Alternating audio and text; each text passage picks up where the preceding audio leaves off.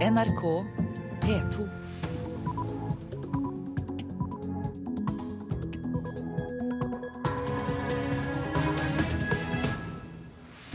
Da er klokka blitt 6.30 eh, torsdag 30. januar. Her i studio Øystein Heggen.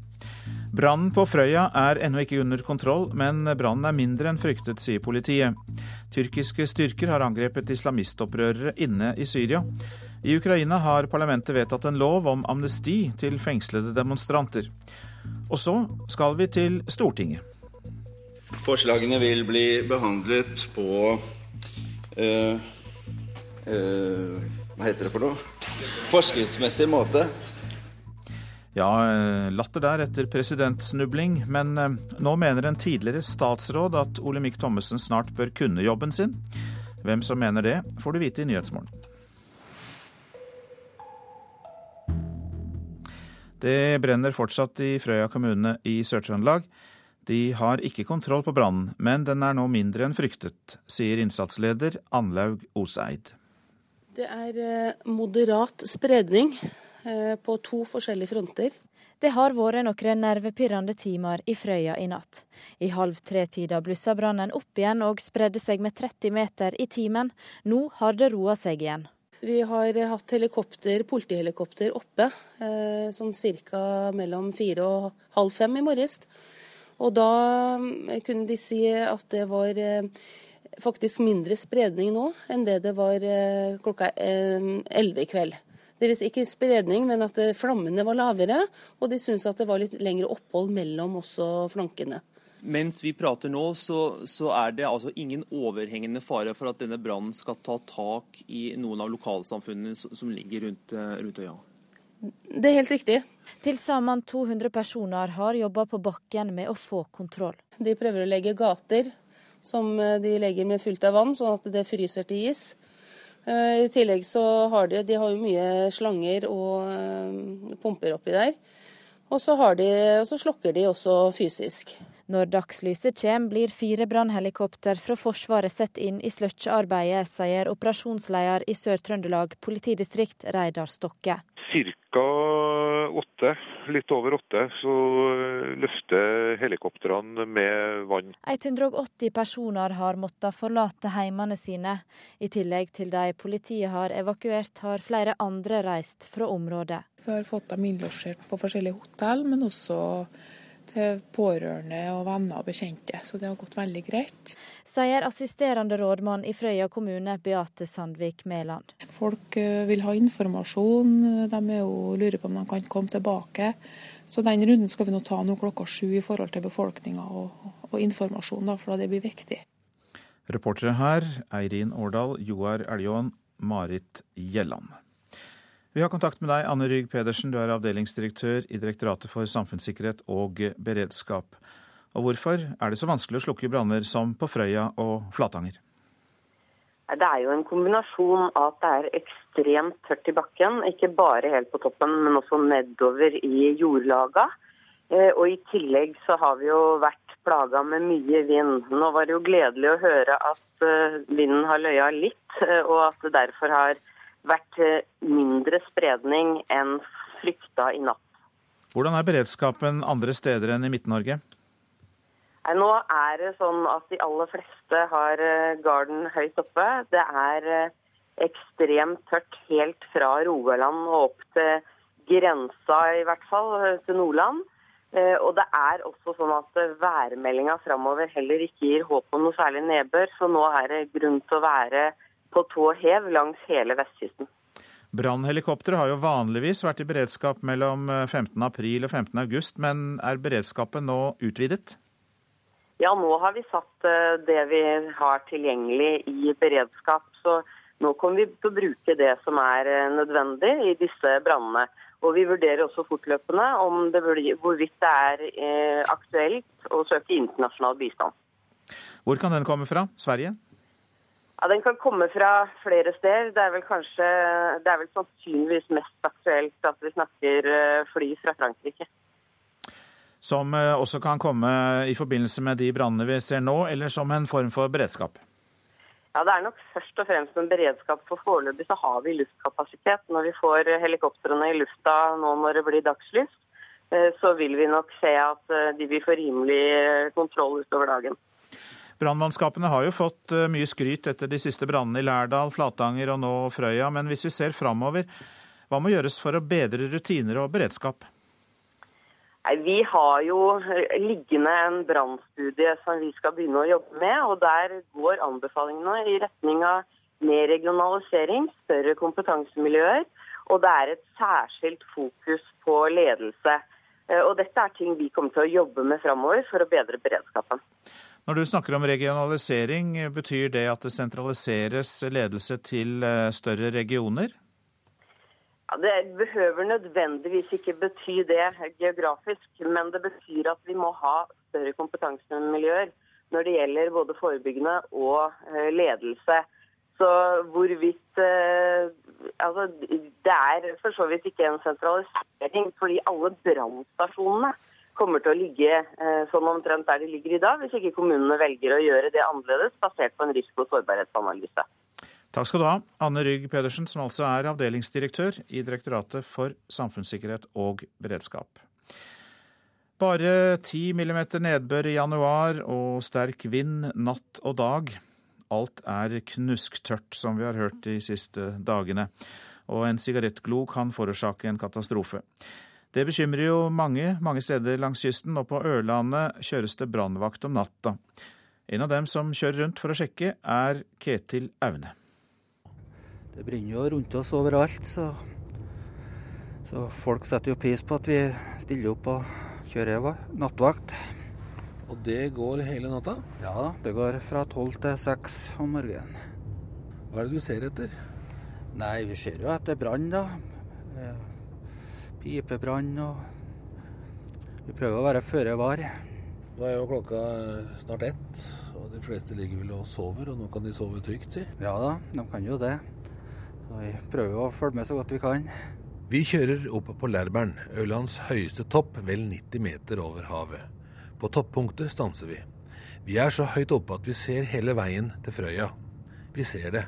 Flammene som lyser opp der på andre siden av sjøstykket, mellom Ørland og Frøya. Ja da, det er vi. Vi ser flammene fra østsida av Freia.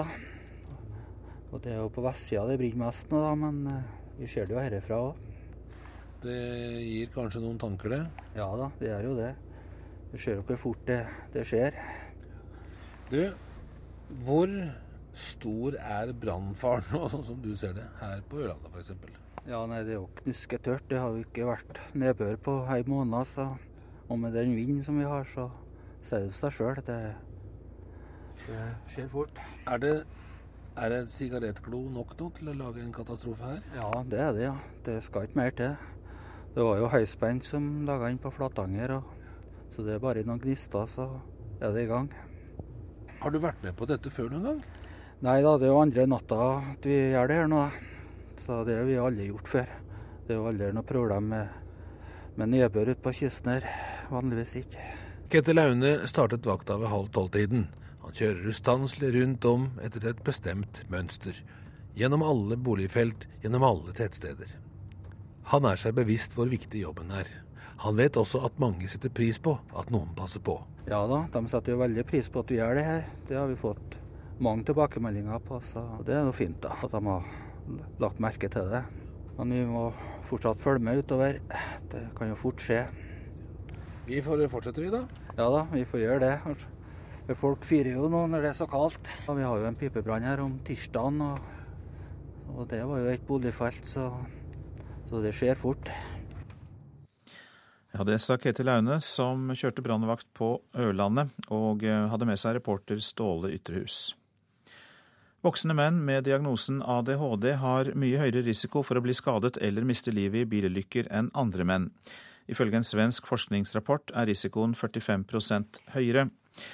Forklaringen er at personer med ADHD sliter med konsentrasjonen og er mer impulsive enn andre. Ved medisinering kan risikoen for å havne i alvorlige bilulykker nesten halveres, viser en forskningsrapport fra Karolinska instituttet i Sverige. Tyrkiske styrker har angrepet en bilkolonne med islamistopprørere nord i Syria.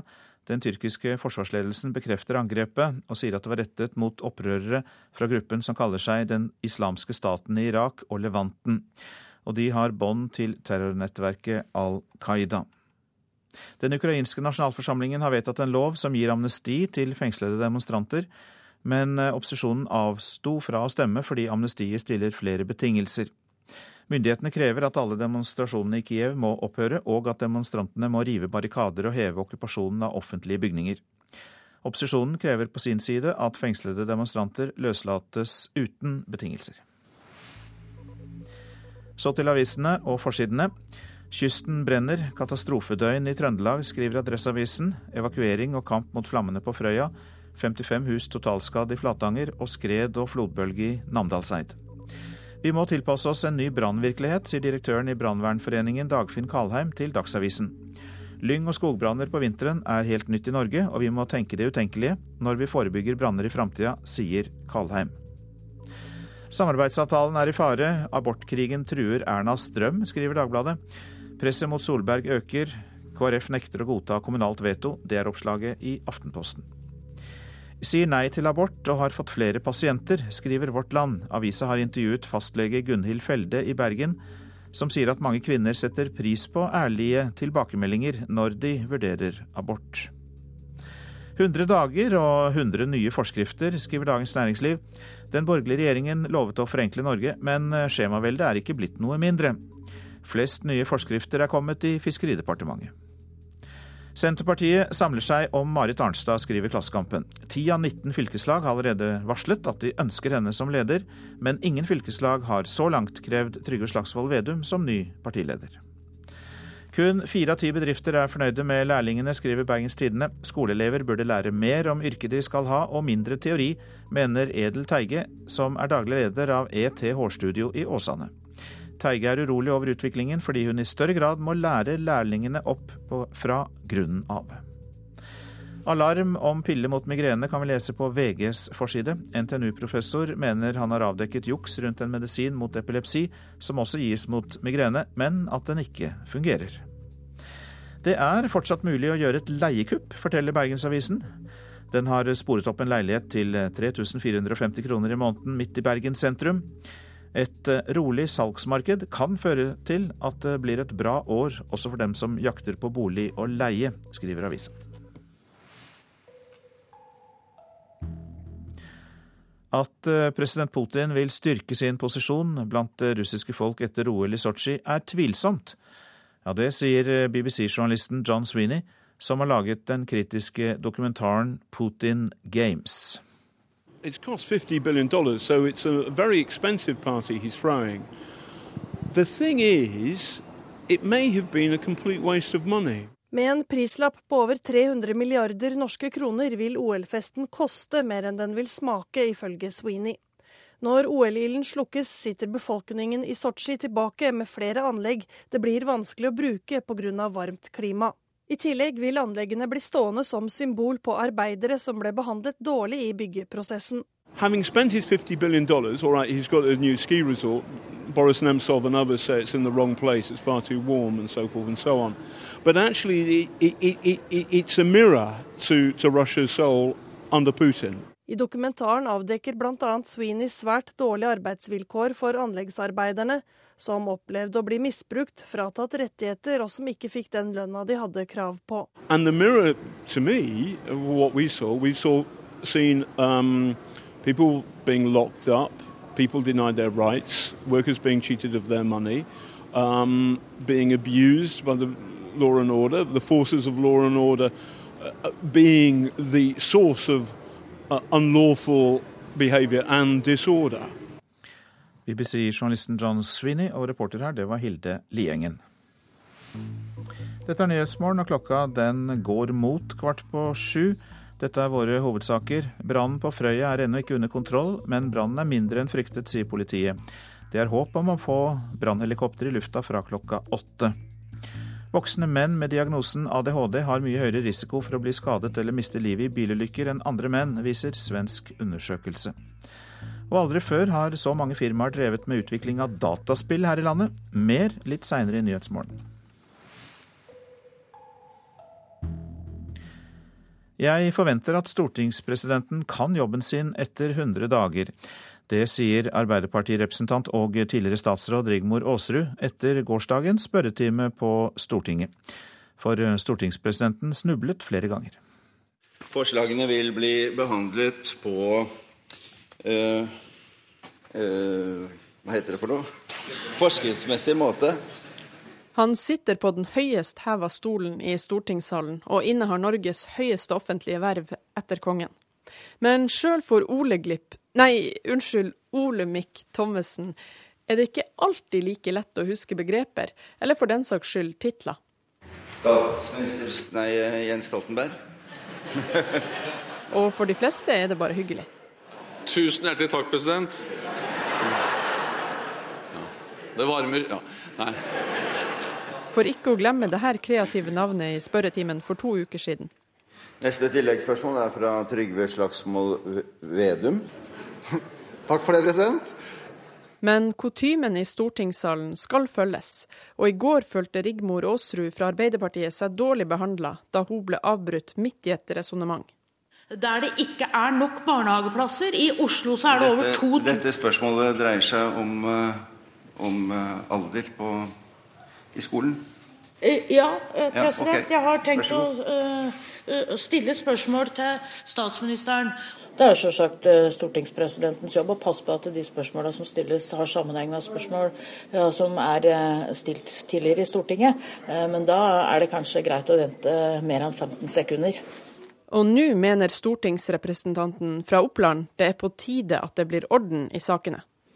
Nei, Det har jo vært veldig mye surr i spørretimen. og nå forventer jeg at eh, stortingspresidenten har eh, brukt de 100 dagene han har vært president godt, sånn at vi kan få lov å gjennomføre spørretimen på en eh, ålreit måte. Ja, det sa Rigmor Aasrud, og eh, stortingspresident Olemic Thommessen sier til NRK at han ikke har noen kommentar. Reporter Eva Marie Bulai. Så til at eh, aldri før har så mange firmaer drevet med utvikling av dataspill i Norge. Men eh, mange av de som utvikler spillene sliter med å få tak i investorer, for de er skremt av stor risiko. Dette er et av spillene som vi har jobba med de siste åra, som heter Mogul. Det vi ser på nå er drifta av selskapene dine, hvor mye penger du og selskapene dine har. Are Sundnes ville skape et dataspill om den globale pengemarkedet. Vi har holdt på med det lenge. Vi, det er vel fire år siden vi begynte å jobbe på det. Men nettopp mangel på penger ble problemet. Akkurat nå så er det spillet på hold, så det skjer ikke noe videre utvikling der akkurat nå. Spillet Mogul fant aldri en rik onkel med tro på prosjektet. Ja, grunnen er rett og slett finansieringa. Vi har brukt opp de pengene vi har til utvikling. Eh, For at vi skal kunne ferdigstille spillet og lansere det, så trenger vi en god del mer penger. Sundnes sitt firma Hypergames er et av mange små dataspillselskap som sliter med å skaffe investorer. I en ny rapport kommer det fram at bare 7% av slike selskap i Norge får penger fra investorer. Faktisk oppgir spelskaperne at både studielån og penger fra familie er viktigere for å finansiere spillene. Eh, Det å få kapital til spill er en evig utfordring. Men skal du opp på et veldig høyt nivå, så må du på et eller annet nivå være litt avhengig av investorer. Det sier Jørgen Taraldsen i Megapop Games. Taraldsen er en av få som har lykkes i å få investorer på kroken. Altså, de hjelper deg å holde på med marketing, de hjelper deg med profesjonalisering. Altså, det er mange områder de hjelper deg på. Men sjøl om Megapop lykkes, ligger norsk spillbransje langt bak nabolandene. I 2012 hadde den svenske dataspillbransjen en omsetning på over 3 milliarder. Ti ganger mer enn den norske bransjen. Dette er fortsatt en, eh, en bransje i vekst. Helt i oppstarten. Forsker Kristine Jørgensen har skrevet rapporten på oppdrag fra Produsentforeningen. Hun tror høy risiko skremmer investorene. Det er vanskelig for de å vite om de kommer til å få noe ut av det. Hvis de investerer i penger, kommer de til å få de pengene tilbake. Fryktelig vanskelig på det tidspunktet. En av de som sitter på pengesekken, er Torleif Alsand. Han er en av få investorer som følger bransjen nøye, men hittil har firmaet hans Northzone bare gått inn i ett spillselskap i Norge. Nei, I Norge har vi ikke investert i flere spillselskap. Vi har sett på veldig mange. Mange utviklere kan bli flinkere til å tenke ut hvordan de skal tjene penger på spillene sine, tror Alsand. Det er mange som tenker som så at vi skal lage et kult spill, og så får vi mange nok spillere, så kan vi tjene penger på det etter hvert. Men jeg tror at du må tenke som en integrert del av spillopplevelsen hvordan man hele tiden skal trigge betalingsvillighet underveis. Han mener den store utfordringa uansett er å skilje seg ut i jungelen av spill. Det lanseres ca. Altså 10 000 spill på iPhone om dagen. De store spillene blir ekstremt store, mens 99,99 ,99 blir ingenting. Reporter her, det var Lars Ivar Nordahl. Nordlysfestivalen i Tromsø tar festivalen enda lenger nord når de i dag arrangerer sin første konsert på Svalbard. Med på første forestilling i Arktis er en russisk stjernesopran som sies å være Placide Domingos favoritt.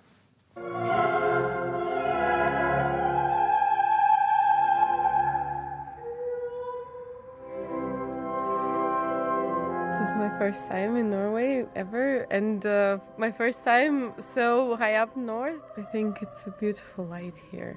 Lyset blir kanskje enda mer spesielt for Julia Novikova når hun i dag skal holde konsert på Svalbard.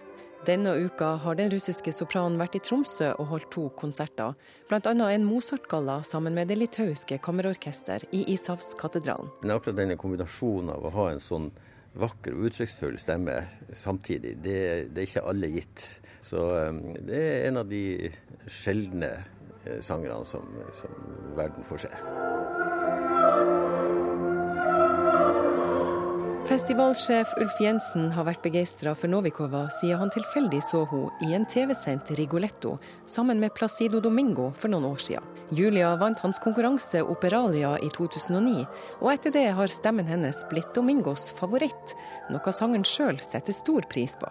This is a great feeling to know that such a great and important personality gives you, you know, support. I'm very happy that I met him, that he's been following my career ever since. Hun er bosatt i Berlin, hvor hun har jobba de siste årene, i tillegg til å reise stadig mer rundt om i verden. Buenos Aires, London, Salzburg er bare noen av stedene hun har besøkt før de tre konsertene under Nordlysfestivalen, den siste på Svalbard i kveld. En festivalkonsert arrangørene lenge har drømt om å presentere. Det har ikke vært enkelt å få det til. Vi trenger jo et apparat for å kunne gjøre det på en annen plass. Blir det flere konserter? Ja, det skal jo min etterfølger svare på, så det vil jeg ikke si. Men det er jo naturlig at når vi har forsøkt å få til disse fremstøtene som vi har hatt mot andre plasser, at den det, det fortsetter. Novikova debuterte profesjonelt ved den anerkjente Marinskij-operaen i 2006. Etter Svalbard skal hun tilbake til hjembyen St. Petersburg, en av byens viktigste arenaer. It's going to be in the Great Hall of the Philharmonic Society. Very important. So everyone will come. Reporter er Hege Irén Hansen. For 200 år siden så var det vanlig med mange barn. De trengtes til gårdsdriften. I dag har nordmenn ja, to barn i gjennomsnitt, men vi har besøkt en av Norges største familier. I familien Vabø i Lindås er det ti barn fra 0 til 16.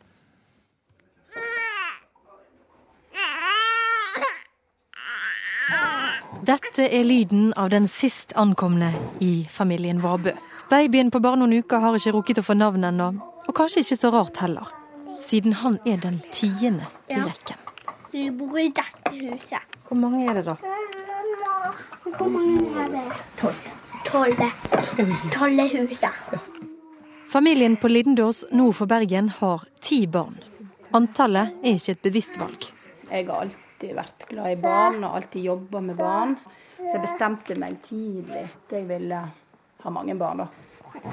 Og de er vant til å få de reaksjonene du sikkert også sitter med nå. Husk, de skal følges opp, og husk, det koster penger, unger. Har ikke dere hørt om prevensjoner? Nå må du knipe igjen, liksom. Og de der kommentarene. Ja.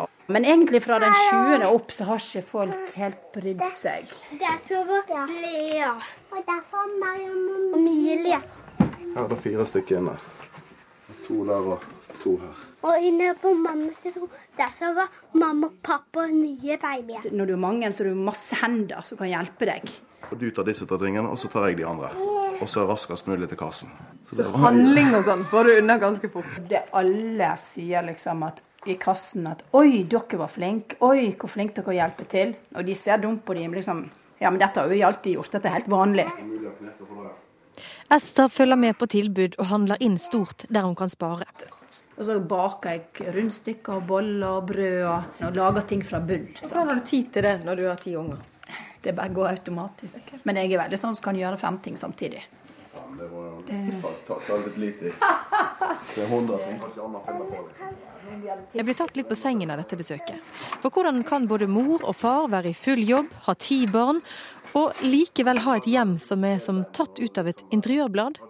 Og jeg liker å ha litt sånn system, ja, og så må du ha rutine på ting. Det er middag til faste tider som regel. Det er legging til faste tider. Det er lekser til faste tider. Og eh, skal det gjøres noe, så er alle sammen med å hjelpe. Ja, nå går dere kledd på dere, og da går de kledd på seg.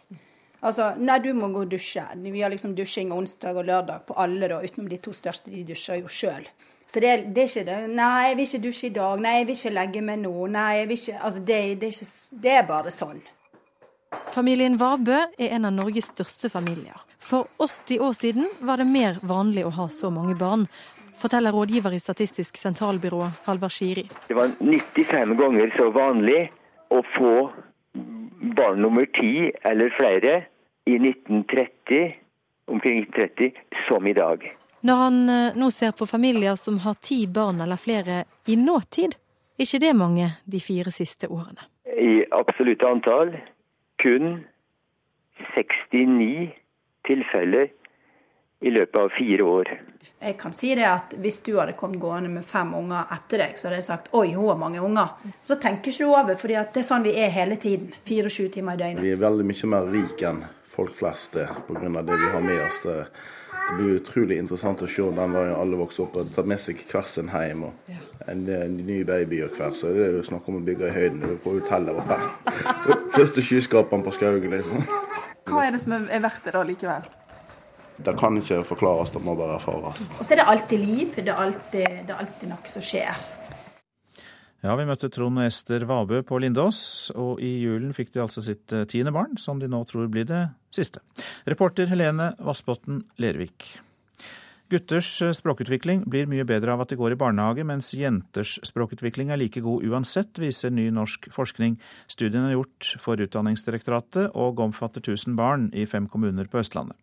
Studien viser at det er systematiske forskjeller mellom gutter og jenter i barnehagen når det gjelder språkutvikling, skriver Aftenposten. Så til værvarselet, og da tar vi for oss Langfjella. Sterk kuling utsatte steder der, særlig i vest. Litt snø i øst, ellers oppholdsvær.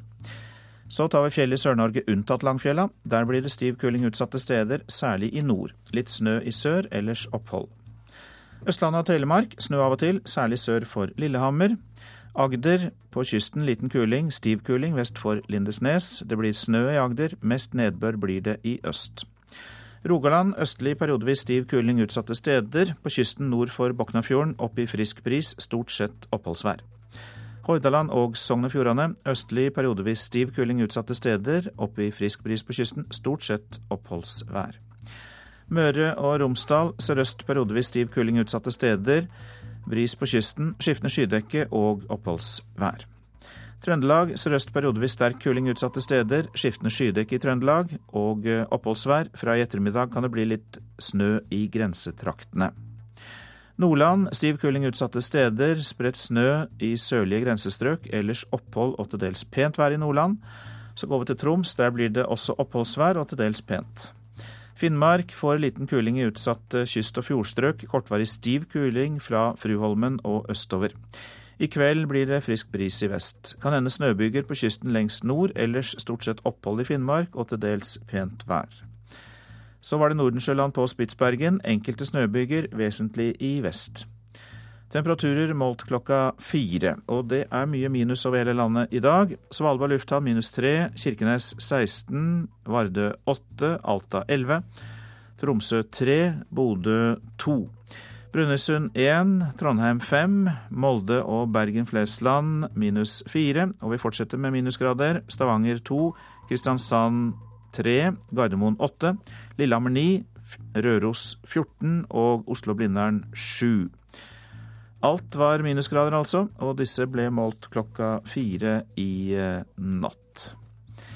Og etter en liten påminnelse så kan vi fortelle at vi skal ta inn vår reporter fra Frøya etter at vi har hatt Dagsnytt.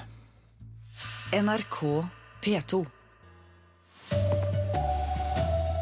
Brannen på Frøya er noe mindre intenst enn fryktet, men den er fortsatt ikke under kontroll.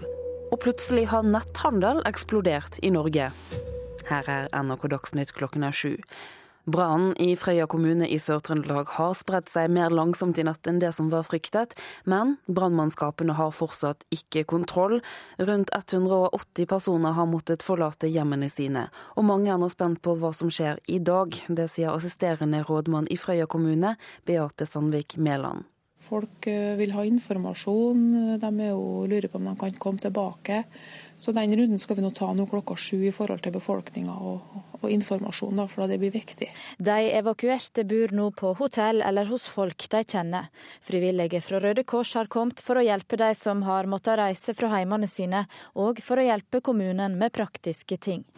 Det er klart det er jo en, det er jo en utfordring for oss å, å, å takle det. Men eh, som sagt så har det gått veldig greit for seg med de som har vært evakuert. Vi var jo tidlig ute med å evakuere barnehagene som lå i det første området. Og det har jo gått veldig greit. Vi har i tillegg evakuert eldre som ligger på sykehjemmet i natt. Reporteren var Eirin Årdal og Marit Gjelland. Og innsatsleder i Sør-Trøndelag politidistrikt, Anlaug Oseid, sier det nå brenner på to steder, men at det er mindre spredning. Vi har hatt helikopter, politihelikopter oppe eh, sånn ca. mellom fire og halv fem i morges. Og da eh, kunne de si at det var eh, faktisk mindre spredning nå enn det det var eh, klokka elleve i kveld. Det vil si ikke spredning, men at flammene var lavere, og de syntes at det var litt lengre opphold mellom også flankene. Det velger vi å oppfatte som en forholdsvis god nyhet nå når dagslys nærmer seg? Ja, det er jo en ca. 60 personer som er ute i innsats og som kontinuerlig gjør en kjempegod jobb i forhold til å holde det her nede, før helikopter kan lette når dagslyset kommer. Intervjueren var Aksel Kroglund Persson.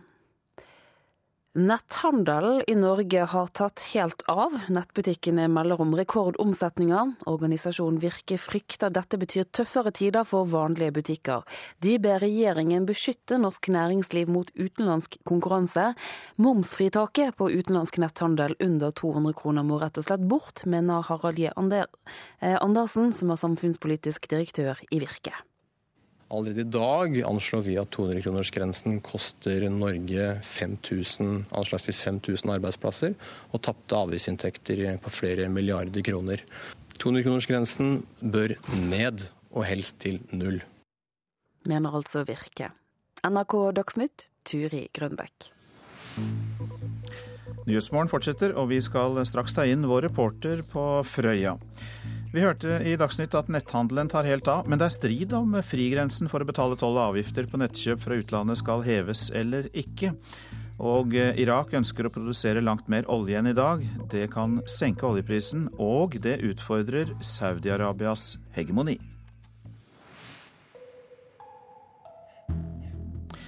Men først til Sør-Trøndelag og til Frøya og deg, Marit Gjelland. Kan du gi oss de siste informasjonene du har om brannen? Ja, her forteller, her forteller, de Jeg har snakka med både innsatsleder og brannsjef og de som har vært ute og jobba i natt, at eh, de har eh, relativt god kontroll på brannen. Og det er til, sånn som det ser ut nå i hvert fall, ikke fare for at brannen kommer til å spre seg mot eh, bebygga områder. Ehm, og For å illustrere det litt, altså da jeg kjørte inn til eh, Frøya i går kveld, så så jeg da nordsida av eh, denne øya med Og da var det rød røyk oppover, oppover fjellsidene. Mens i dag, når jeg kjørte samme strekninga, så var det ingenting å se. Og det forteller jo også de jeg snakker med her, at, at de har nå klart å, å, å stoppe utviklinga til den ene brannen, og, og, den andre brannen, der har de forsøket dem, eller den andre fronten, eh, klarer ikke å spre seg så raskt eh, som, eh, som, var, som, de kanskje frykta. Det er jo gode nyheter. Hva blir da viktig i dag for brannfolk og frivillige og politi? Ja, nå skal de først ha et uh, møte akkurat nå klokka sju, faktisk. Uh, og det er da snakk om fire forsvarshelikopter som etter hvert som uh, sola står opp på himmelen og det blir litt lysere her, skal opp i været og begynne slukningsarbeid. Og det er det er helt essensielt, det er avgjørende for eh, den videre slukkeprosessen, har brannsjefen sagt til meg. At eh, de, de, får opp de her eh, helikoptrene så fort som mulig. Hva skjer med de evakuerte? Det, de evakuerte de har eh, bodd Altså det er 130 evakuerte, og de har bodd på hotell på Frøya eller nabokommunen naboøya Hitra i, i, natt. I tillegg så er det en del som har eh, reist av seg selv fra områdene eh, i nærheten av brannen. Og, og overnatte hos familie, men man vet ikke hvor mange det er. Eh, og de våkner jo nå etter hvert om eh, morgenen. Eh, jeg så nettopp rådmann og, og assister... Eller og varaordføreren løpende rundt her, de holder på å lage, lage, planer for hvordan de skal hjelpe de evakuerte på best mulig måte utover dagen. Men eh, oppsummert, eh, Marit Gjelland, så er det vel viktig å understreke at eh, det du sa i starten, at det ser ut som det ikke er noe fare for bebyggelsen slik det er nå? Ja, det er nok det absolutt viktigste vi kan formidle herfra. At det ser ut til at brannen ikke sprer seg mot de områdene der det er hus og bebyggelse. Takk skal du ha, Marit Gjelland, som altså er på Frøya. 51 personer er evakuert etter steinraset og flodbølgen på Stadland i Namdalseid i går. Både kaianlegg, en industrihall og en vei raste ut i fjorden da en stor flodbølge slo inn mot havna i går. Men eh, når de kan flytte tilbake, det er opp til geologer som i dag skal inspisere raset, forteller lederen for det frivillige brannvesenet i Stadland, Bjørn Martinsen. Vi er helt avhengig av hva geologene finner ut når de har vurdert situasjonen. Frykter dere mer ras der det har rasa i går, eller? Det er jo avhengig av hva geologen Det blir opp til geologen å vurdere. og se når, han, når det blir dagslys, når han får se i området. Det var altså leder av det frivillige brannvesen i Stadland, Bjørn Martinsen, reporter Roger Severin Bruland. Netthandelen i Norge har brått talt helt av etter år med jevn og en mindre økning. Ekspertene har spådd en slik eksplosjon i mange år, men nå ser den altså ut til å være her. Landets nettbutikker melder om rekordomsetninger. Åh, oh, himmel og havn. Alt. PlayStation 4, spill, kjøkkenmaskiner, PC-er, nettbrett. I Norges største nettbutikk, komplett.no, trodde de nesten ikke sine egne øyne da bestillingene starta å renne inn i rekordfart mot slutten av fjoråret. Jeg kaller det netthandelstsunamien. 18 år etter nettbutikken åpna, handler folk plutselig langt mer enn vanlig, forteller Anton Hagberg, kommersiell direktør. På det meste så var vi 250 stykker som jobbet på lageret av gangen, så det har vært en, eh, en veld, eh, veldig strevsom, men hyggelig desember. Og det ser også ut til at farten holder seg veldig bra opp i januar. Andre nettbutikker melder òg om ei stor øke i trafikken. Landets største bank, DNB, lar seg overraske over tallene for kredittkortbruk og netthandel blant egne kunder. Altså, økningen er i milliardbeløp. Sier kommunikasjonsdirektør i DNB, Even Westerveld. Med rundt 1,5 million kredittkortkunder ser de også at folk nå bruker nettet til ren varehandel. Det er altså bøker, eh, klær, kan være andre ting man kjøper på nett. Har økt med 30% bare fra 2012 til 2013 tar en også med netthandel generelt, altså både varehandel og tjenester, var auka i fjor mellom 12 og 16 ifølge tall NRK har henta inn fra de største kredittkortselskapene. Westervelt og DNB er blant de som nå tror netthandelen vil ta av, etter år med ei jevn, men mindre øke. Eksplosjonen i netthandel har jo vært spådd lenge, men nå ser vi antydninger til at den kommer. Også i Virke har de merket at netthandelen nå tar av. mye raskere enn handelsstanden trodde. Netthandelen eh, er eh, mye høyere enn det vi tidligere har lagt til grunn.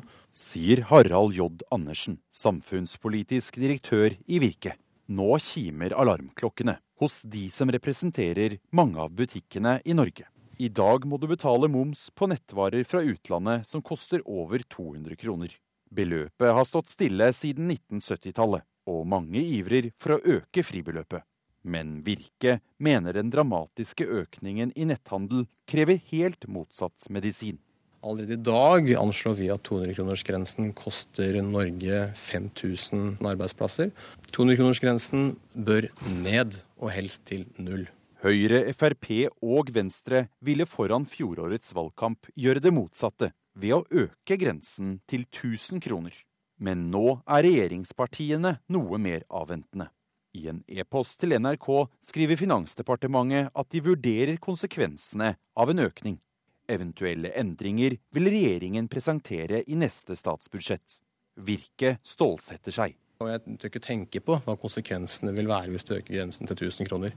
Det vil ha ekstremt dramatiske konsekvenser. Og det er jo da varer som norske virksomheter vil ikke lenger være konkurransedyktige på å levere til norske forbrukere. Reportere Ellen Sporstøl og Sindre Heierdal. God morgen, Sveinung Rotevatn. God morgen. Du er stortingspolitiker for eh, Venstre. Handler du på nett?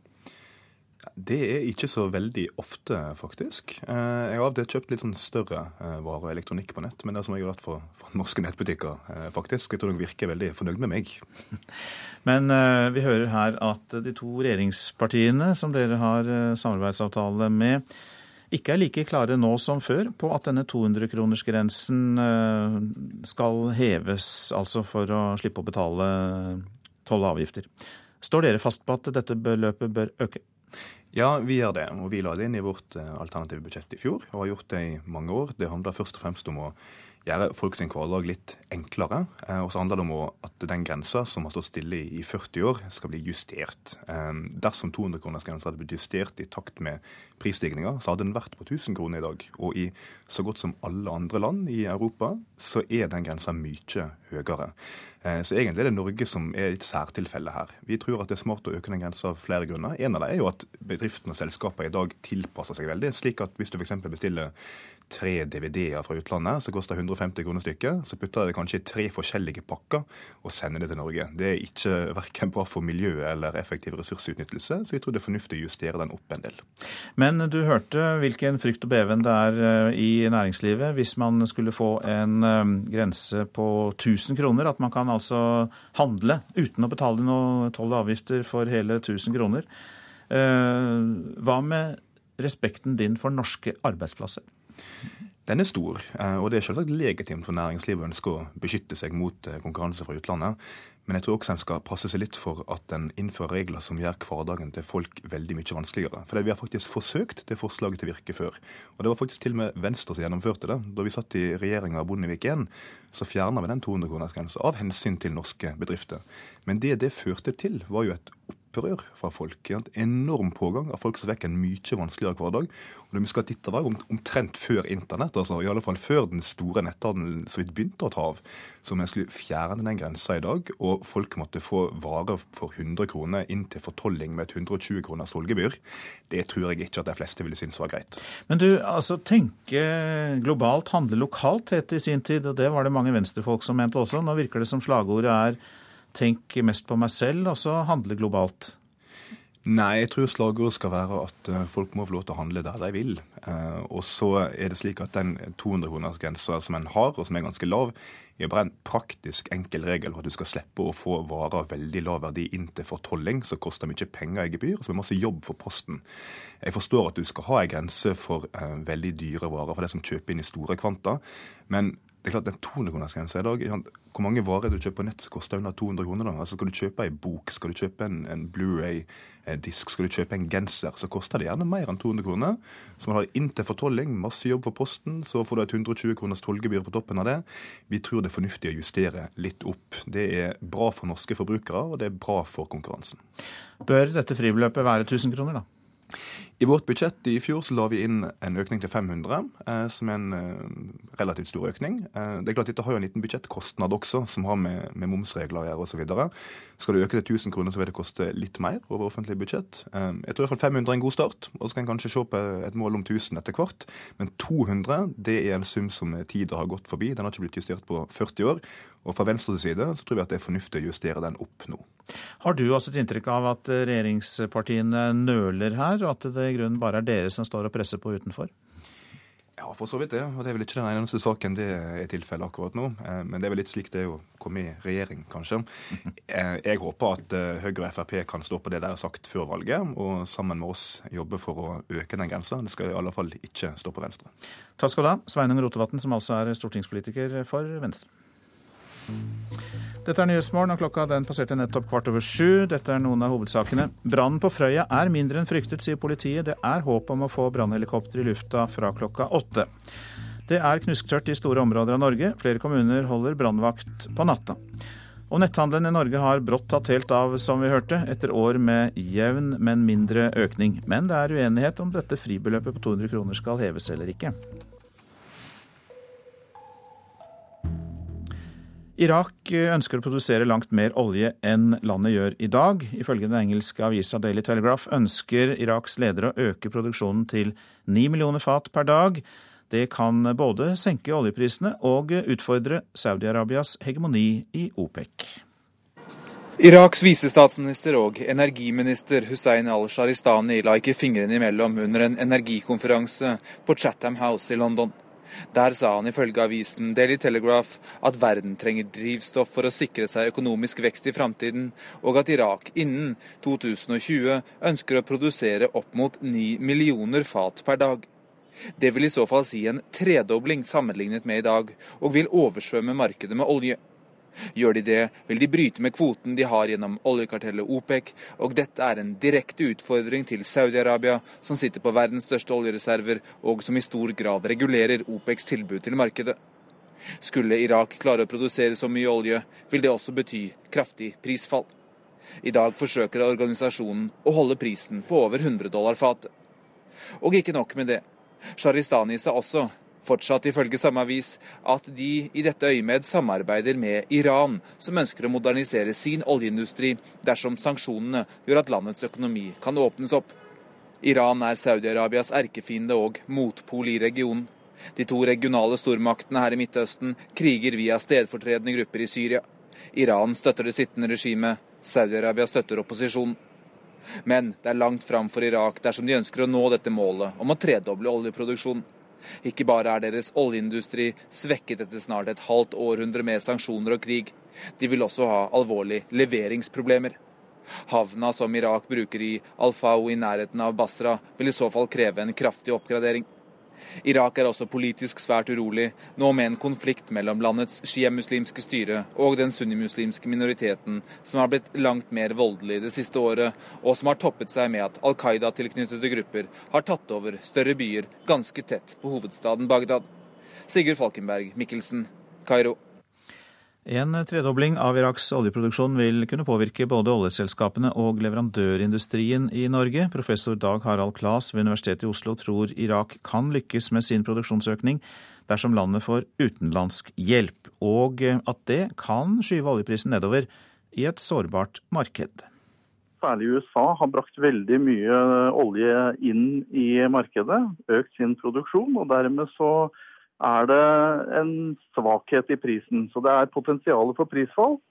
Og hvis Irak kommer inn med store volumer i tillegg, så styrker jo det forventningen om lavere oljepriser. Hvordan vil det i så fall påvirke norske selskaper og eh, leverandørindustrien? Ja, leveran Norsk leverandørindustri er jo globalisert, så den vil jo ha en rekke prosjekter internasjonalt med, i, hvor de har, kan klare seg med veldig lave priser. Eh, på norsk sokkel så har vi også mange felt, bl.a. Eh, det nye Johan Sverdrup-feltet vil klare seg med veldig lave oljepriser. Mens i f.eks. Barentshavet så er det mye mer usikkert hvorvidt de prosjektene vil være lønnsomme hvis prisen faller. Dersom Irak skulle nå sin målsetting om å tredoble oljeproduksjonen på seks år, vil det ha en effekt på oljeprisen, og dermed på norske selskapers interesse for å investere i dyrere utbygginger. Jeg betviler noen klarer det. Men om de klarer det, så er det klart det kan få en innvirkning på prisen. Det vil i så fall ramme leverandørindustrien, sier styremedlem i Norsk Industri Ståle Kyllingstad. Han er gründer og sjef for IKM-gruppen på Sola ved Stavanger. Det er en bedrift som leverer varer og tjenester til oljenæringen. Men Kyllingstad tror ikke Irak vil lykkes i sine planer. Men jeg må bare si det, det å øke tre ganger dagens produksjon er svært vanskelig. Det er mange rammebetingelser som skal være på plass for å klare det. En av de vil være at du må ha folk til dette, altså mye utdanna folk. Og f.eks. et land som det har ikke så mange utdanna folk at de klarer dette uten videre. Det andre er jo at det, det er jo infrastruktur og, og så, som, som, du skal utvikle underveis, i tillegg til si, selve oljeinstallasjonene som produserer. Det er mye lettere å si det enn å gjøre det. Det minner meg nesten litt om Brasil sine store ambisjoner, som de faktisk ikke klarte å levere etter. Mye fekting med ord. Jeg føler det, og, eller føler, jeg tror rett og slett det. Reporter til slutt her, det var Hedvig Bjørgum. God morgen, Tina Saltvedt. Takk. Du er oljeanalytiker i meglerhuset Nordea. Og hvordan vurderer du sannsynligheten for at Irak kan produsere 9 millioner fat olje daglig i 2020, altså tre ganger mer enn nå? Jeg anser det som lite sannsynlig, i den grad at uh, både mangler det infrastruktur, men det er også mangel på en oljelov i landet. Uh, I dag så produseres det en del olje i nord, som tilhører mer den mer selvstendige regionen Kurdistan. Og så produseres det veldig mye i sør. Og det er jo fremdeles diskutert hvordan man skal uh, fordele disse oljeinntektene, siden man da mangler en oljelov. Så det er stor turbulens. Det er også økende politisk uro som gjør at det har vært en del angrep mot oljeinstallasjoner. Og det gjør at mange av selskapene etter hvert begynner å bli mer skeptiske til å begynne å produsere i denne regionen før den politiske uroen avtar noe. Så jeg anser det som lite sannsynlig. Men hvis de likevel skulle klare det, og kanskje, kanskje ikke tre ganger, men likevel eh, få til en, eh, en, betydelig økning, hva kan det ha å si for oljeprisen? Det er klart at Hvis Irak skulle kunne produsere mye mer enn det som er forventet av dem, så vil det kunne gi et fall i oljeprisen. Vi skal huske på at dette er en billig olje som kan produseres i Irak, og det vil være en, en stor konkurrent til, til norsk olje fordi den er er billig å produsere. Så med en økning, stor økning fra Irak, og hvis da Iran til, i tillegg kan øke sin produksjon, så vil det kunne gi et markant fall i oljeprisen.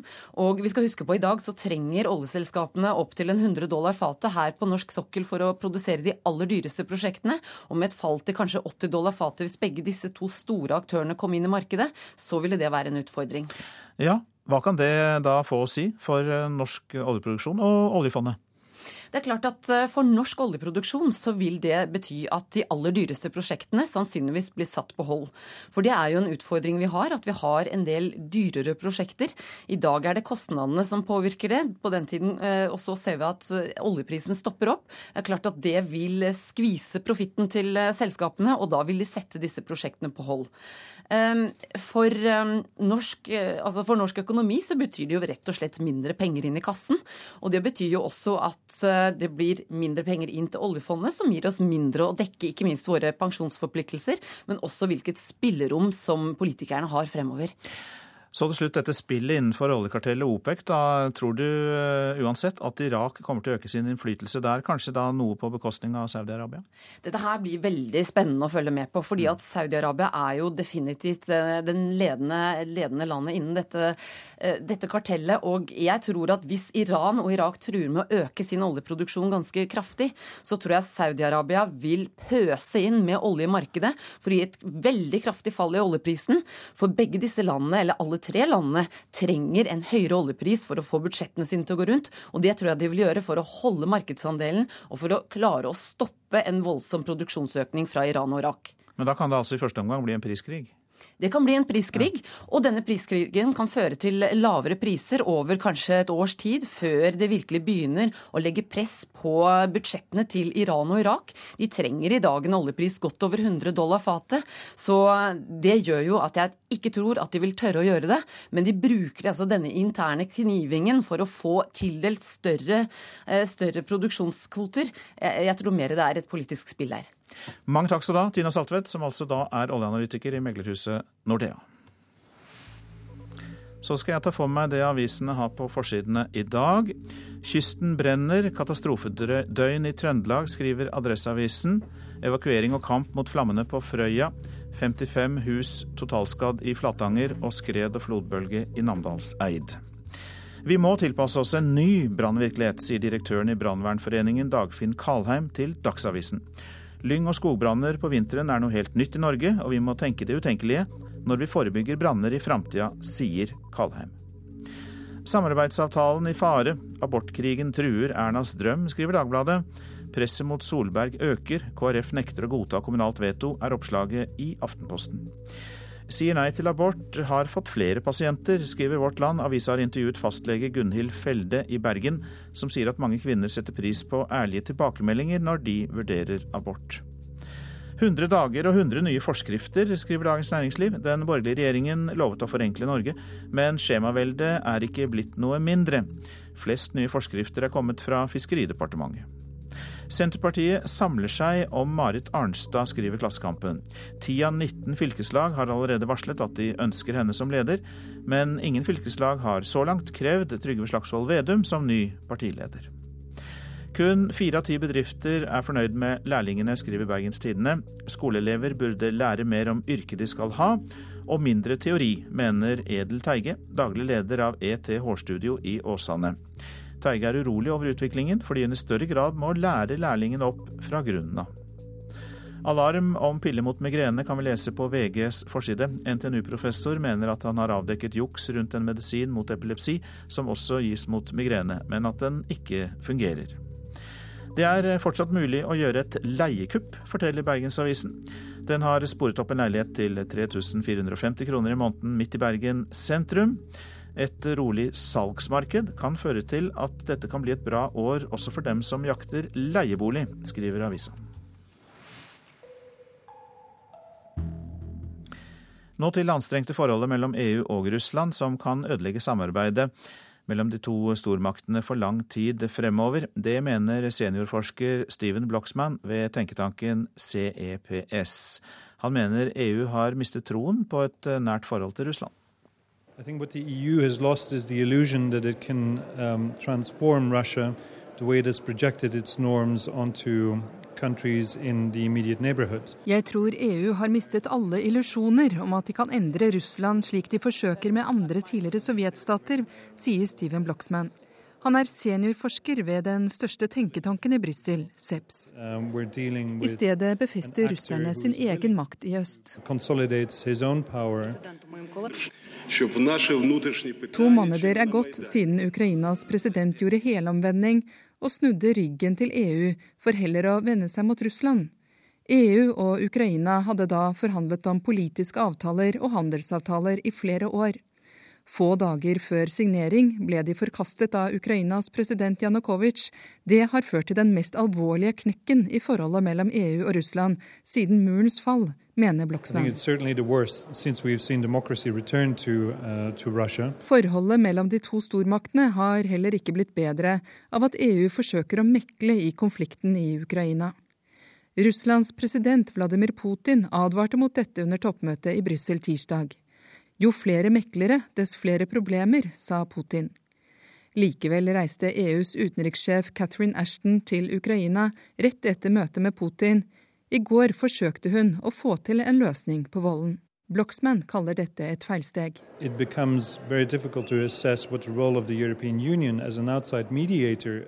blir vanskelig å se EU som nøytral mekler når de blir sett på av Putin og Kreml som en part, mener han. Uh, uh, han mener også det er utfordrende å mekle, så lenge man ikke vet hvem som trekker i trådene.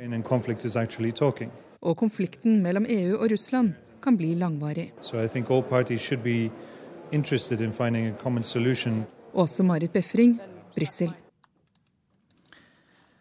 Ja, vi tar med at den canadiske popstjernen Justin Bieber er i hardt vær. Han ble onsdag tiltalt for overfall på en limousinsjåfør i hjemlandet.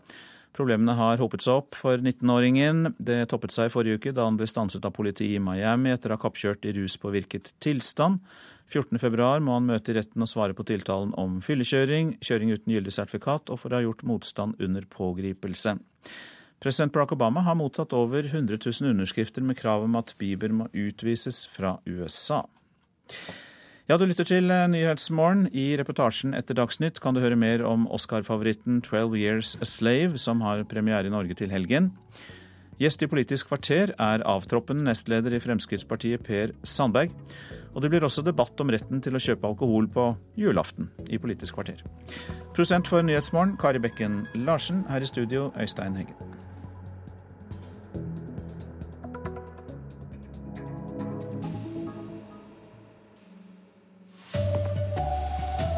Brannmannskapene kjemper fortsatt mot flammene på Frøya, men ingen boliger er truet. Det er nå knusktørt i store områder av Norge. Flere kommuner kjører brannvakt på natten.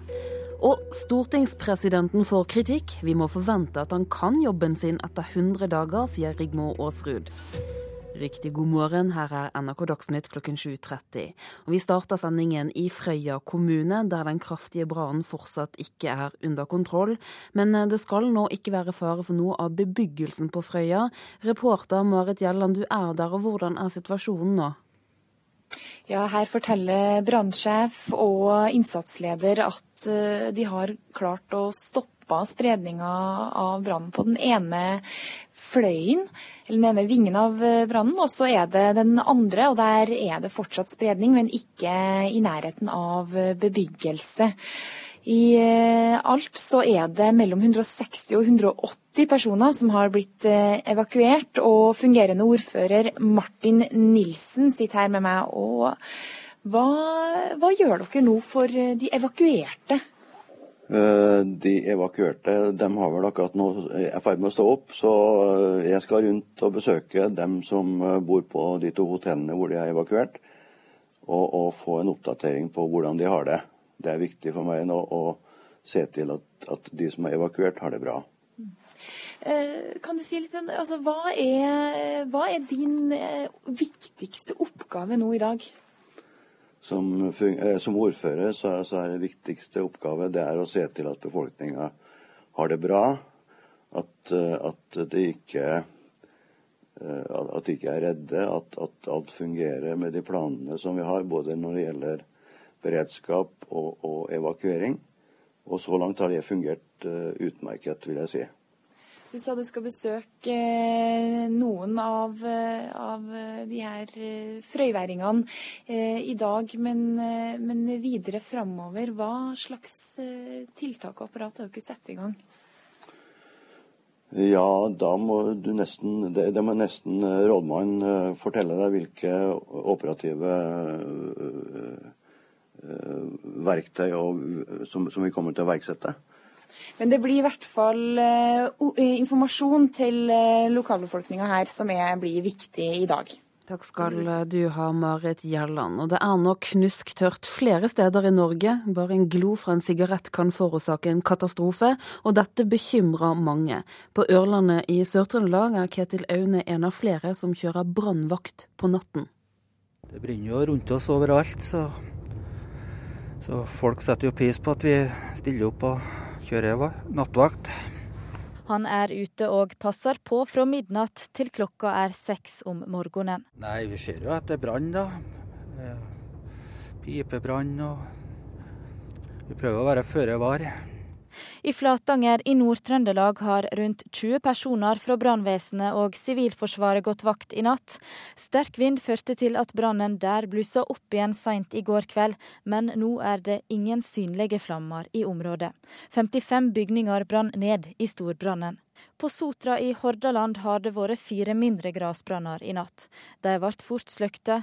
Politiet mistenker at brannene kan være påtente, og ber om tips fra folk. Reporteren var Eirin Årdal og Ståle Ytrehus. Vi skal videre til Namdalseid, der 51 personer er evakuert etter steinraset og flodbølgen på Stadland i Namdalseid i går. Både kaianlegg, en industrihall og vei raste ut i fjorden da en stor flodbølge slo inn mot havnen. Reporter Bjørn Solli, du er der. Hva er siste nytt nå? Det har vært ei ganske rolig natt her på Stadland. Jeg snakka nettopp med innsatsleder Kjetil Barstad, som akkurat i dette øyeblikket er i ferd med å få avløsning. Han fortalte at det er altså 42 evakuerte her, og jobben i natt har stort sett vært å sikre seg at det ikke kommer folk inn i rasområdet, for det vurderes fortsatt som usikkert. Klokka 23 i går kveld kom det fire geologer fra NVE hit. Eh, de fant ut at det var ikke behov for ytterligere evakuering, og de kommer til å starte arbeidet sitt nå så fort at det blir lyst, noen ganger mellom eh, åtte og halv ni. Og Da vil de konsentrere innsatsen eh, på andre sida av fjordarmen her, på Otterøya der det jo var en større sten som raste ned i havet, og som skapte denne flodbølga som kom i land på denne sida da. Bjørn Solli, takk skal du ha. Netthandel i Norge har brått tatt helt av etter flere år med en jevn, men mindre økning. Ekspertene har spådd en slik eksplosjon i mange år. Nå ser den altså ut til å være her. Nettbutikkene forteller om rekordomsetninger. Himmel og hav. Alt. PlayStation 4, spill, kjøkkenmaskiner, PC I Norges største nettbutikk, komplett.no, trodde de nesten ikke sine egne øyne da bestillingene starta å renne inn i rekordfart mot slutten av fjoråret forteller Anton Hagberg, kommersiell direktør. Jeg kaller det netthandelstsunamien. Andre nettbutikker melder òg om en stor øke i trafikken. NRK har samla inn tall fra de største kredittkortselskapene som viser at netthandelen i fjor økte mellom 12 og 16% I landets største bank, DNB, tror kommunikasjonsdirektør Even Westerveld at netthandelen nå vil ta av. Eksplosjonen i netthandel har jo vært spådd lenge, men nå ser vi antydninger til at den kommer. Nå må regjeringa være på vakt og verne norsk næringsliv mot konkurranse fra utlandet, mener Harald Andersen, samfunnspolitisk direktør i Virke. Han mener momsfritaket på utenlandsk netthandel under 200 kroner rett og slett må bort. Allerede i dag anslår vi at 200-kronersgrensen koster Norge 5000, anslagsvis 5000 arbeidsplasser. Nå sier regjeringa de må vurdere dette, og at en eventuell øke ikke kommer før til høsten ved statsbudsjettet. Reportere Erlend Sporstøl og Sindre Heierdal. Amerikansk etterretning drev spionasje i forkant av klimatoppmøtet i København i 2009. Det skriver den danske avisen Informasjon, basert på lekkasjer fra Edward Snowden. NSA planla også å fortsette spionasjen under toppmøtet, bl.a. ved å overvåke telefon- og databruken til delegasjonene. Etter 100 dager må vi forvente at stortingspresidenten kan jobben sin. Det sier Rigmor Aasrud etter gårsdagens spørretime på Stortinget, der stortingspresidenten snublet flere ganger. Forslagene vil bli behandlet på øh, øh, Hva heter det for noe? Forskriftsmessig måte. Han sitter på den høyest heva stolen i stortingssalen og innehar Norges høyeste offentlige verv etter kongen. Men sjøl for Ole Glipp, nei, unnskyld, Olemic Thommessen, er det ikke alltid like lett å huske begreper, eller for den saks skyld titler. Statsminister Nei, Jens Stoltenberg. for ikke å glemme det her kreative navnet i spørretimen for to uker siden. Neste tilleggsspørsmål er fra Trygve Slagsvold Vedum. Takk for det, president. Men kutymen i stortingssalen skal følges, og i går følte Rigmor Aasrud fra Arbeiderpartiet seg dårlig behandla da hun ble avbrutt midt i et resonnement. Det har jo vært veldig mye surr i spørretimen. og Nå forventer jeg at eh, stortingspresidenten har eh, brukt de 100 dagene han har vært president godt, sånn at vi kan få lov å gjennomføre spørretimen på en eh, ålreit måte. Og stortingspresident Olemic Thommessen sier til NRK at han ikke har noen kommentar. Reporter var Eva Marie Bullai. Det er trist for sporten og trist for russerne, sier Tora Berger om at tre skiskytere har avgitt positive dopingprøver en drøy uke før OL starter. Det er jo fryktelig trist at det er slik i sporten vår. Og så er det selvfølgelig synd for russere, da, som skal ha OL på hjemmebane. Det var i går at det russiske nyhetsbyrået R-Sport skrev at to av de dopingtatte skiskytterne var Jekaterina Jurieva og Irina Starik, begge fra Russland. Den tredje løperen som har testet positivt, skal være fra Litauen. Både Jurieva og Starik skal ha hatt spor av et foreløpig ikke navngitt stoff i sine prøver. Verken Det internasjonale skiskytterforbundet eller WADA vil bekrefte at det dreier seg om disse to. Berger synes det er vanskelig å tro at konkurrenter har dopet seg. Jeg lever jo i den trua at de jeg konkurrerer mot er rene, og så håper jeg at antidopingarbeidet gjør så god jobb som mulig. Jurjeva ble verdensmester i 2008, men var ikke tatt ut til OL i Sotsji.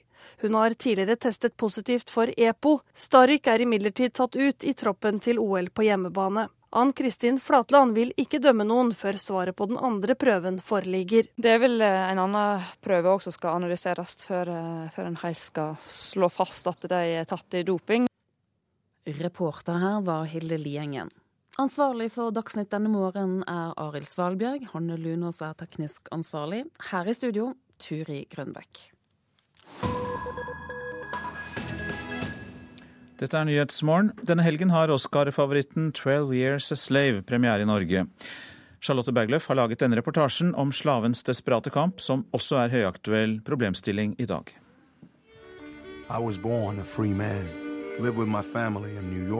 Solomon Northup var en fri mann som bodde sammen med sin kone og to barn i New York, inntil han en dag ble lurt, bortført og solgt som slave i 1841. Da den britiske regissøren Steve McQueen oppdaget boken hans 'Twelve Years a Slave', var valget enkelt. And I wanted to find an interesting angle into the narrative. And I thought about a free man. Steve McQueen hadde lenge ønsket å lage en film om slaveri. Men han ville portrettere hvordan en fri mann, en familiefar, blir bortført og solgt. Slik at publikum i kinosalen kan identifisere seg med ham. Og med det åpner regissøren for det store bildet. For mens Solomon og de andre slavene blir pisket, fornedret på bestialsk vis på kinolerretet, kan ikke publikum finne trøst i at dette hører fortiden til.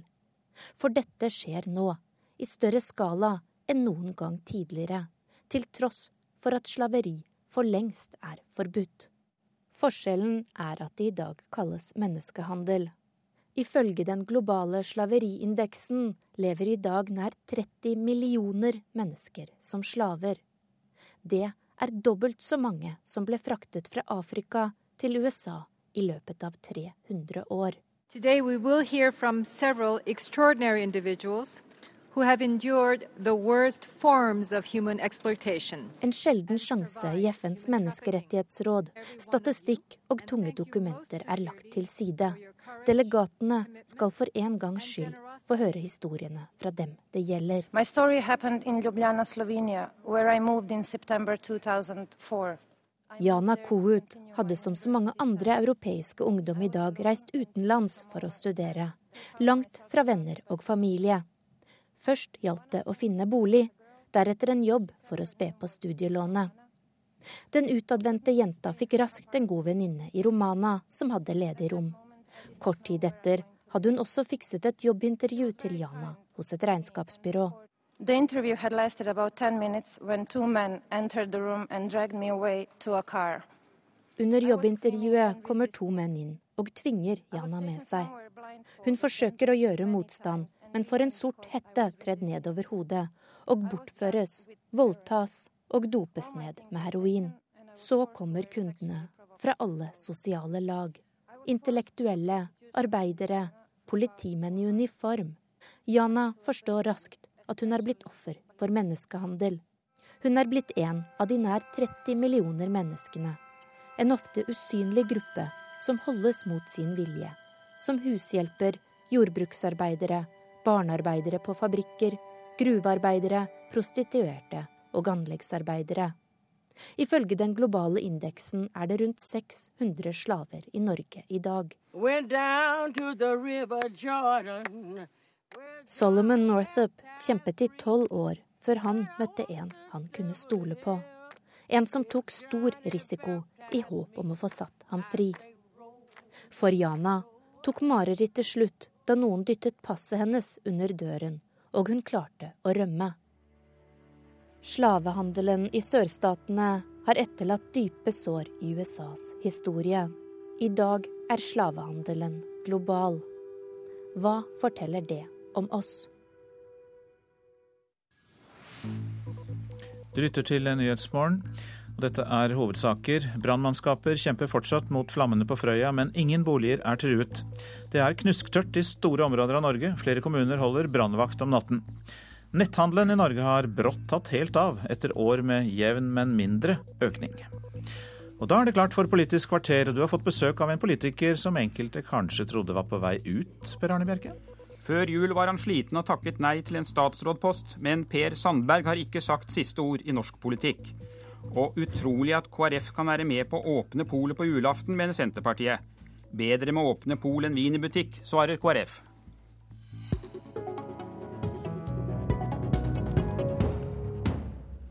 God morgen og velkommen, avtroppende nestleder i Fremskrittspartiet, Per Sandberg. Takk skal du ha. takk skal du ha. I forrige uke sa du til nrk.no at KrF og Venstre har fått for mye makt. Er eh, den striden vi nå ser om legers reservasjonsrett et eksempel på at KrF har fått bestemme for mye? Nei, jeg tror ikke den eh, avtalen som gjelder reservasjonsretten som vi har med, med Kristelig Folkeparti er avgjørende i så måte. Venstre står jo utafor der. Eh, reservasjonsretten handler jo om et eh, verdispørsmål, og jeg skjønner godt at eh, det blir en omfattende debatt. Så er det ulike spørsmål og ulike svar, avhengig av om du spør tillitsvalgte i Høyre eller KrF eller i Fremskrittspartiet. Men vi har vært med på en avtale, og den står vi fast på. Her er jo et verdispørsmål. Eh, men det som er aller viktigst med det som gjelder reservasjonsretten, det er jo det at vi må sørge og være 100% sikre på at vi ikke svekker kvinners rettigheter i forhold til abortspørsmål. Men nå, nå, nekter da KrF å godta kommunalt veto mot reservasjonsretten. Hvor langt kan da regjeringen egentlig la seg presse i denne saken? Jo, men, men der er Fremskrittspartiet ganske klar og tydelig. Vi forholder oss til en avtale vi har med, med Kristelig Folkeparti og Høyre også på dette feltet. Vi skal ikke være det partiet som bryter slike avtaler. og jeg registrerer at mange av mine kolleger også er klar og tydelig på, på, på det området. Eh, og hvis det er slik at eh, man ikke ønsker eh, at man skal delegere det her til kommunene, så kan jo det bli resultatet. Nå er jo dette sendt ut på høring, så ingenting er avgjort og klargjort ennå. Nå får vi se hva høringssvarene tilsier. Så jeg er sikker på at regjeringa sammen med, med, med KrF finner en, en, løsning på det her som er innenfor den avtalen som vi har. Men det virker jo som, som du uttaler at det er Høyre som bør fire litt her, da? Det skal ikke jeg si noe på, men jeg vet eh, og kjenner til den avtalen vi har med Kristelig Folkeparti. Og, og Fremskrittspartiet har intensjoner om å forholde oss til denne avtalen. Men eh, når, når du spør meg om, eh, i forhold til det jeg uttalte meg om i forrige uke, i forhold til Kristelig Folkeparti og Venstre, så må jeg si at det murrer rundt omkring. fordi at Kristelig Folkeparti og Venstre bør ikke klage. De har fått et enormt gjennomslag uten å gå i regjering. Jeg tenker ikke minst på Lofoten og Vesterålen. Jeg tenker på bistandspolitikken. Så disse små partiene har allerede fått betydelig betaling i forhold til sin oppslutning. Og så må jeg si at eh, Da reagerer jeg når de kommer til Stortinget og presser fram løsninger sånn som økt dieselavgift f.eks som strir eh, og går rett i hjerterota på Fremskrittspartiet, så må noen si ifra. Og det har jeg gjort i dette tilfellet. Ja, Den dieselavgiften er jo ikke bra for dere, for det er en rekordhøy økning i dieselavgiften som dere altså er med på. Hvor mange slike saker tåler Fremskrittspartiet egentlig? Nei, altså jeg er klar og tydelig på det. Jeg registrerte at noen i Kristelig Folkeparti var ute i forrige uke på enkelte saker, så sier de at eh, alle vet at eh, Kristelig Folkeparti er imot eh, disse sakene, og da blir det ingenting av. Jeg tror at neste gang at det dukker opp saker som går i hjerterota på Fremskrittspartiet, så bør kanskje vi også stå oppreist og si dette vet Kristelig Folkeparti, Venstre og Høyre at Fremskrittspartiet er imot, og da blir det ingenting av. Nå er det jo ikke sånn at denne dieselavgifta gjelder alle, men det er klart at det er et betydelig innslag for entreprenørene våre, eh, byggebransjen vår, anleggsbransjen vår. Eh, og det som er litt merkelig med denne dieselavgifta, det er det at Kristelig Folkeparti og Venstre har altså pressa gjennom denne økninga i Stortinget, som er direkte distriktsfiendtlig. Skal vi ta en annen sak. Om to-tre måneder er det klart for jordbruksoppgjøret. Og landbruksminister Sylvi Listhaug, din partifelle, ønsker betydelige endringer i landbrukspolitikken. Mens KrF har gjort det klart at partiet ikke vil være med på store endringer. Hvem er det som kommer til å vinne denne kampen? Nei, her blir det både tap og seire for alle, tror jeg. Men, men eh, vår eh, landbruksminister Sylvi Listhaug står det stor respekt av. Er det noen jeg ikke har eh, grunn til å bekymre meg over, så er det Sylvi Listhaug. Alle vet at Fremskrittspartiet ønsker å modernisere norsk landbrukspolitikk, og heldigvis er det mange innenfor denne næringa også som sjøl ønsker endringer. Eh, og så er det i avtaleverket også, eh, og, og, regjeringsplattformen så er det åpning for eh, endringer. Når det gjelder jordbruksoppgjøret, så skal jeg ikke ta noe på forskudd der. Men det er klart at eh, det må merkes at det er Fremskrittspartiet som sitter i regjering, og som styrer dette departementet. Det som er viktig der nå, det er å komme fram til løsninger med par, sammen med partene, som innser det at norsk landbruk står overfor store utfordringer, og så må vi finne da eh, felles løsninger som gjør at denne næringa også kan gå framtida i, i møte med, med, med styrke. Ville det vært enklere dersom eh, KrF og Venstre hadde gått inn i regjeringen?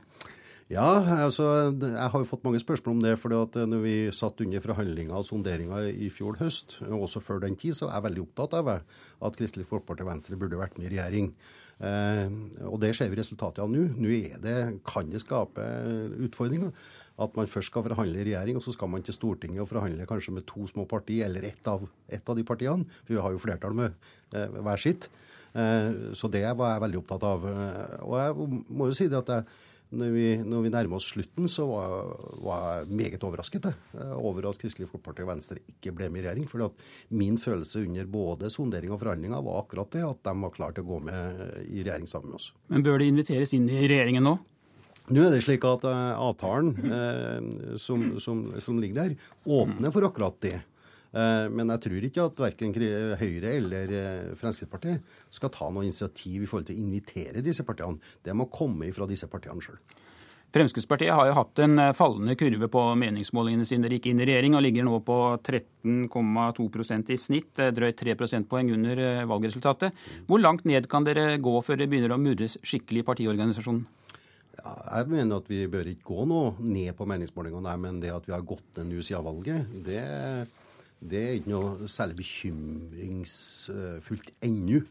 Eh, men, men, det som bekymrer meg, det er det at, eh, at, vi ikke greier å fronte i stor nok grad vår, vår, våre seire. For husk på det at eh, Jeg syns det er litt morsomt må få lov til å si det at dette landet har sittet på vent nå i åtte år under rød-grønt styre. Så kommer Fremskrittspartiet i regjering, og så forventes det altså resultater i løpet av 14 dager. Jeg må si det at jeg har sett på revidert budsjett, eh, og jeg ser på de sakene som våre statsråder jobber med så er det betydelige saker eh, som, eh, som, allerede er lagt på bordet. Og jeg vet at våre statsråder jobber betydelig hardt også for å få endringer. Men selvfølgelig vil det ta tid. Men det at Fremskrittspartiet kom inn i regjering og bare umiddelbart sørga for skatte- og avgiftslettelser på mellom 7 og 8 milliarder, betydelig løft på infrastruktursektoren, mye mer til sykehusbehandling osv., det vil merkes etter hvert. Det som er viktig nå, det er at uh, man gjennomfører det som er i regjeringsplattformen og avtalen. For da, vil det merkes ganske raskt at Fremskrittspartiet sitter i regjering. Du går av som nestleder eh, til våren. Ser du for deg et politisk comeback på litt sikt? altså, Innenfor politikken, jeg har vært med så lenge, så er til og med det umulige mulig. Men jeg har sagt, og det sa jeg i fjor høst òg, så det er ikke noe nytt signal fra meg, det. At jeg hadde ikke motivasjon og energi til å være med i regjering i fjor høst. Det samme er for øvrig nå. Nå har jeg kosa meg gløgg i hjel sammen med familien min over to måneder. Eh, og, jeg syns jo det er litt greit å sitte litt på utsida også. Eh, og, og en kikke. Kikke litt inn. Ja, altså det er, vi har jo sagt, og det sa jeg i fjor høst, at hvis det nå skulle være sånn at jeg har vært full av energi og, og, ble meget rastløs, så vil jeg signalisere det til, til vår sjef. Eh, og hvis det da er behov for meg på noen slags måte, så, så ser jeg ikke bort ifra at det kan skje på et eller annet tidspunkt. Eh, men akkurat nå så, så syns jeg at uh, våre folk i regjering leverer utrolig bra. Det som er viktig nå, det er å få levere Frp-politikk, sånn, så, sånn, at det merkes overfor ja. det norske folk. Mange ser jo på deg som selve ur-Frp-eren. Hvor viktig er det at folk av din type kommer med i partiledelsen? Ja, men altså, i, i Fremskrittspartiet så er det viktig at alle deltar. Eh, Fremskrittspartiet er et parti for alle. Eh, og det tror jeg også vil vise seg etter hvert. Det at, at, at jeg er ur-Frp-er, ja, nå vet jo ikke jeg det. altså Jeg kom jo med i dette partiet faktisk bare ved en tilfeldighet. Det er godt beskrevet i mm. boka mi. Men så er jeg blitt mer og mer glad. da, eh, Og så er jeg veldig glad for at jeg kom inn i dette partiet, for at det er riktig parti for meg i forhold til dette her med eh, å være ombudsmann og ombudskvinne for det norske folk. Og det er jo det som er uhyggelig viktig for Fremskrittspartiet. At vi ivaretar ombudsrollen, eh, for den blir satt under press i større og større grad framover. Takk skal du ha, Per Sandberg.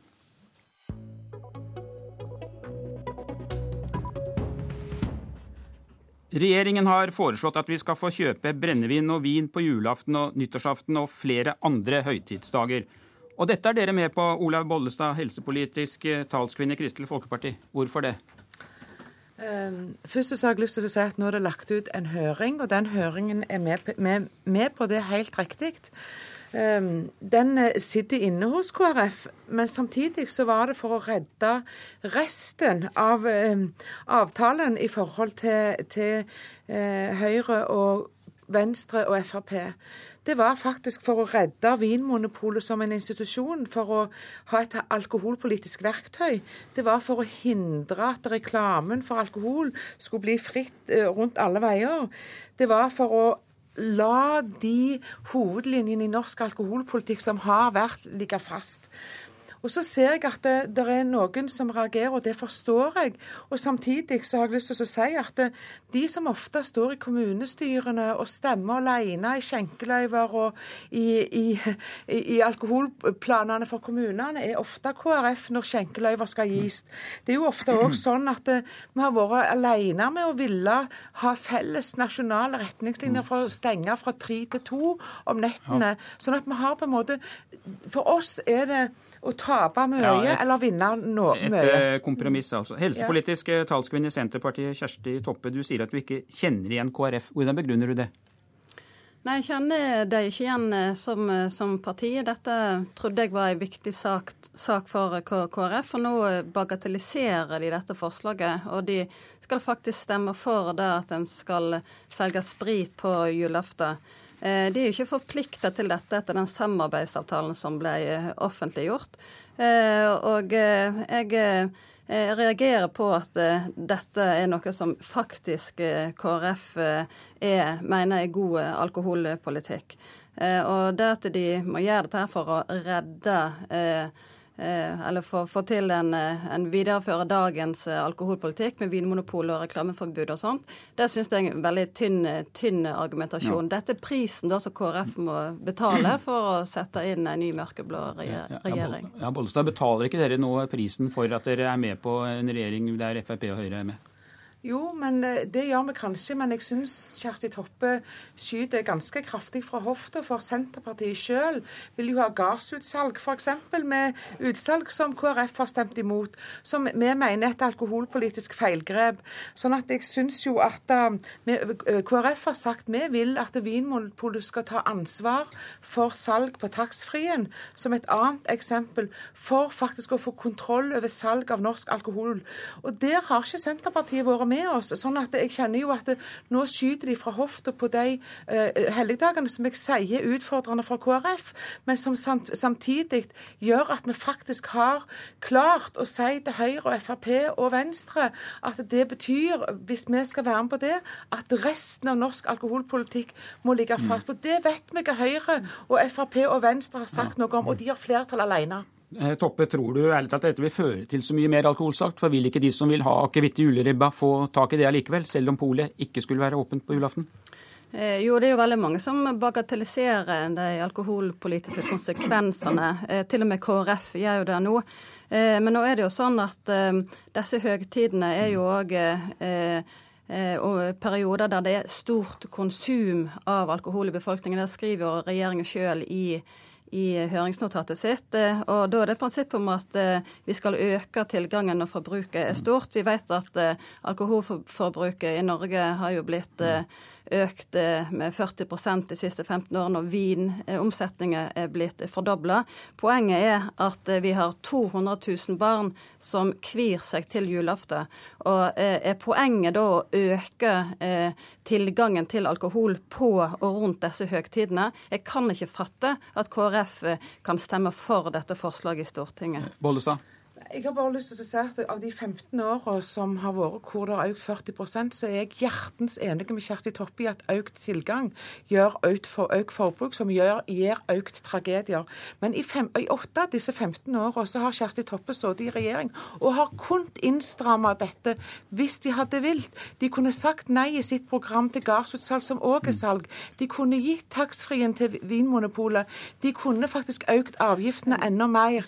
De kunne sagt ja til åpningstider kun til klokka to i helgene, hvis de hadde vilt. Kjersti Toppe? Dette her er jo angrepet det beste forsvar. Eh, Gardsutsalg, ja det vil vi, men vi har aldri foreslått det i regjering fordi at det truer vinmonopolordninger. Når det gjelder taxfree, så har vi faktisk det i vårt program. Eh, og eh, eh, når, når, det gjelder at vi har sittet åtte år i regjering, ja, det er jeg veldig stolt over. Vi har sittet åtte år i regjering og ført en restriktiv alkoholpolitikk. Det har gått 100 dager med den nye regjeringen, og dere har liberalisert mer enn det vi har klart på alle de andre årene. Det har KrF bidratt til med at de har innsatt den nye regjeringen og brukt alkohol som et av de tiltakene for å få det til. Og Der greide du å få siste ord, Kjersti Toppe. Takk til deg, og takk også til eh, Ola Bollestad, helsepolitisk talskvinne i Kristelig Folkeparti. Og det var Politisk kvarter med Per Arne Bjerke. Hør flere podkaster på nrk.no podkast.